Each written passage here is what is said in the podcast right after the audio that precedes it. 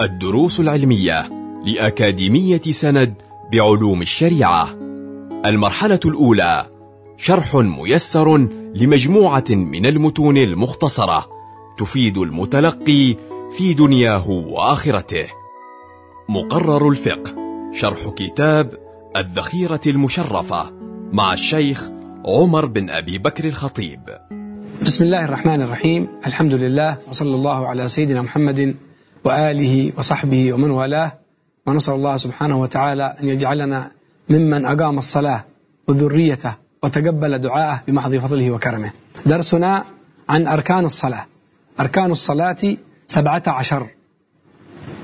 يعني العناصر التي تتكون منها الصلاة سبعة عشر ركنا سبعة عشر جزءا. الركن في اللغة هو جانب الشيء الأقوى. واصطلاحا جزء من الماهية لا تتحقق إلا به. فعندما ينقص ركن واحد من تلك الأركان تكون الصلاة ناقصة. الأول النية. لقول النبي عليه الصلاة والسلام في الحديث الذي هو ثلث العلم إنما الأعمال بالنيات.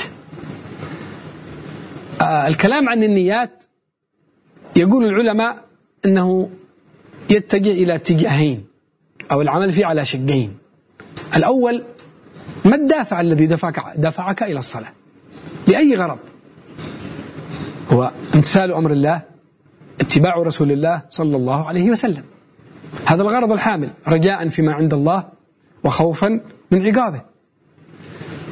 مقصودنا من الكلام هنا عن النية هي نية الدخول في الصلاة واستشعار فرضيتها وأدائها ونيتها.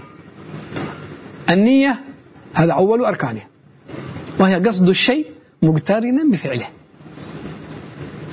محلها القلب والتلفظ بها عند الإمام الشافعي سنة. وإنما يجب فيها أصلي فرض الظهر الله أكبر.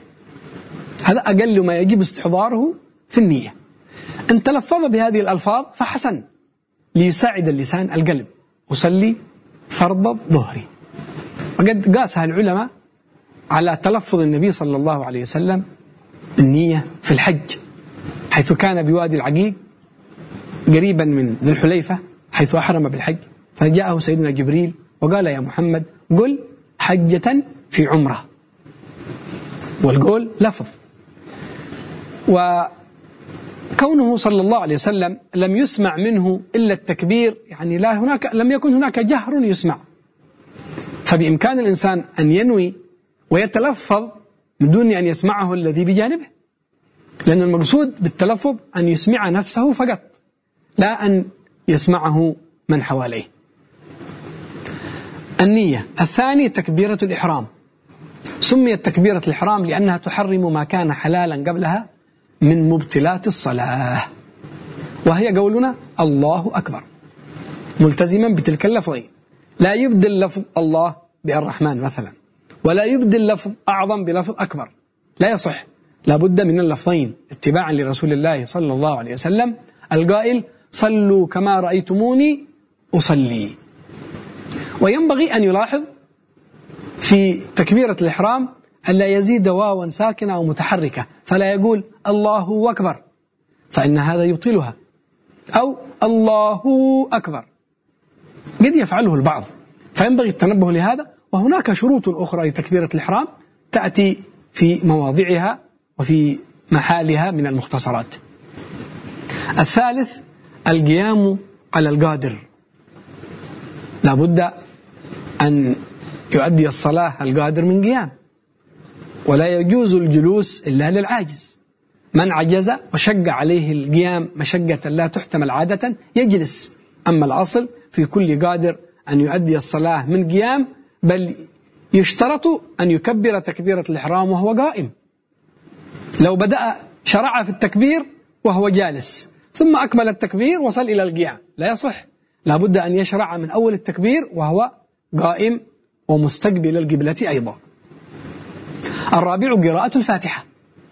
وأولها عند الإمام الشافعي بسم الله الرحمن الرحيم وآخرها ولا الضالين. فالبسملة عند الإمام الشافعي آية من الفاتحة وآية من كل سورة.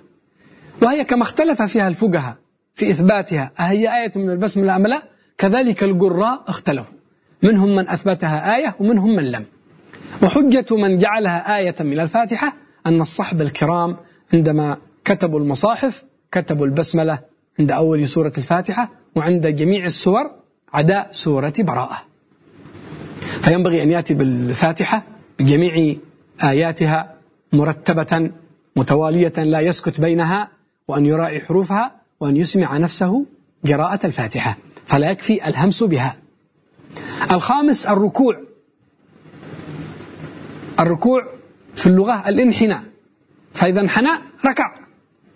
ولكن ما هو الركوع في في الشرع. هو أن ينحني المصلي بحيث تنال راحتاه ركبتيه. أن يكون انحناؤه بحيث يبلغ راحته أن تصل إلى ركبتيه. هذا هو الانحناء المقصود هنا. ولا ينخنس فلا يتأطي ظهره ولا يقدم صدره ولا يرفع رأسه بل يسجد وينبغي أن يسوي ظهره مع رأسه يستوي ظهره مع رأسه. ووضع اليدين على الركبتين سنة ليس بواجب. السادس الطمأنينة فيه أن يطمئن في الركوع. والطمأنينة تكون في أربع ركعات تأتي كلها معنا. الطمأنينة في الركوع في السجود في الجلوس بين السجدتين في الاعتدال. والطمأنينة هي أن يستقر كل عضو محله محله بقدر سبحان الله بقدر سبحان الله قراءة معتدلة لا قراءة بطيئة ولا قراءة مستعجلة. السابع الاعتدال. الاعتدال في اللغة الاستواء والاستقامة فمن انتصب اعتدل. وشرعا عود المصلي إلى ما كان عليه قبل ركوعه. كان قبل الركوع واقفا مستقيما. ثم بعد الركوع يعود إلى الاستواء والاستقامة. هذا هو الاعتدال. الثامن الطمأنينة فيه.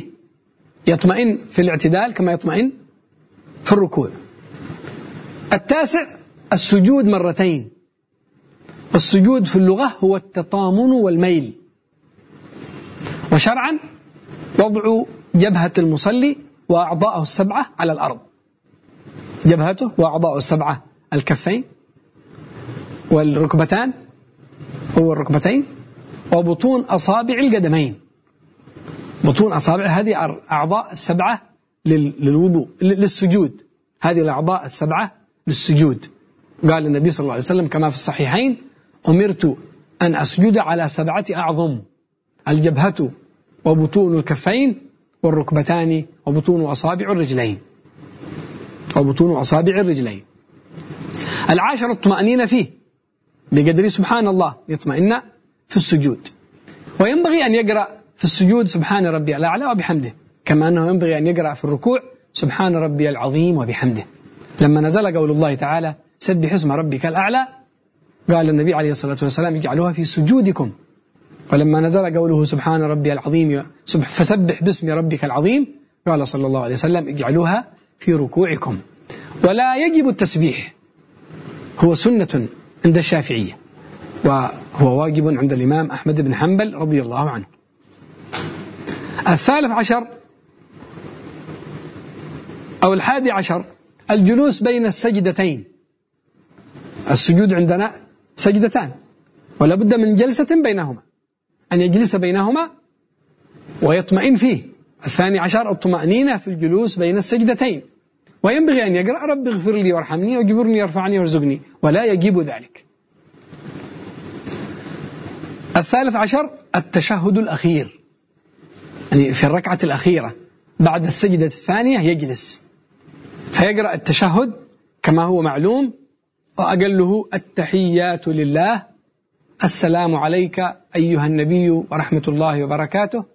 السلام علينا وعلى عباد الله الصالحين. أشهد أن لا إله إلا الله وأشهد أن محمد رسول الله. هذا أقل التشهد. وسيأتي معنا ذكره في المتن. الرابع عشر القعود فيه أن يأتي بالتشهد الأخير وهو جالس. الخامس عشر الصلاة على النبي صلى الله عليه وسلم. هي ركن آخر غير التشهد. لكن محل ركنية الصلاة على النبي صلى الله عليه وسلم بعد التشهد الأخير. إذا قال أشهد أن لا إله إلا الله أشهد أن محمد رسول الله يأتي بالصلاة على النبي صلى الله عليه وسلم وأقلها اللهم صل على محمد. وأكملها أن يأتي بالصلاة الإبراهيمية كما سيأتي معنا ذكرها في المتن. السادس عشر السلام. وأقله السلام عليكم. وأكمله السلام عليكم ورحمة الله. هذا أكمل السلام. وأما الالتفات فهو سنة. التفات يمينا وشمالا فسنة. فإذا التفت ناطقا بالميم من عليكم إلى القبلة كفى. وأن يكون بالتعريف السلام عليكم وباللغة العربية. السابع عشر الترتيب. يعني على هذا النحو كما ذكرها المصنف. لأن النبي عليه الصلاة والسلام قال صلوا كما رأيتموني أصلي. فالصلاة فيها ركن قلبي وهو النية وأركان قولية وهي تكبيرة الإحرام والفاتحة والتشهد والصلاة على النبي صلى الله عليه وسلم والسلام. خمسة أركان قولية وستة أركان فعلية القيام على القادر والركوع والاعتدال والسجود والجلوس بين السجدتين والقعود في التشهد الأخير. وفيها ركن معنوي وهو الترتيب. هذا من خلال المشاهدة يعرف إذا رتب هذه الأفعال فعلا بعد الفعل وبحمد الله الكل لا يجهل ترتيب الصلاة لأنها كانت صلاة رسول الله صلى الله عليه وسلم فصلى الصحابة كما رأوا رسول الله وصلى العلماء كذلك. بعد ذلك ننتقل إلى شروط الصلاة وهي ثمانية. يجب أن تستمر هذه الشروط من قبل أن يصلي الإنسان يدخل وهو متوفر في هذه الشروط. ويكمل الصلاة وهذه الشروط أيضا متوفرة فيه. وهذا إن شاء الله نأخذه في الدرس الخامس بعد هذا. نسأل الله تبارك وتعالى أن يجعلنا ممن أقام الصلاة وأحسن الصلاة وحضر في الصلاة وممن قبل الله منهم الصلاة بمحض فضل الله وجوده وكرمه. وصلى الله على سيدنا محمد وآله وصحبه وسلم تسليما كثيرا. كنتم مع الدروس العلمية لأكاديمية سند بعلوم الشريعة. يمكنكم متابعة جميع الدروس عبر موقع الأكاديمية وتطبيقاتها الإلكترونية. سند علم سلوك دعوة.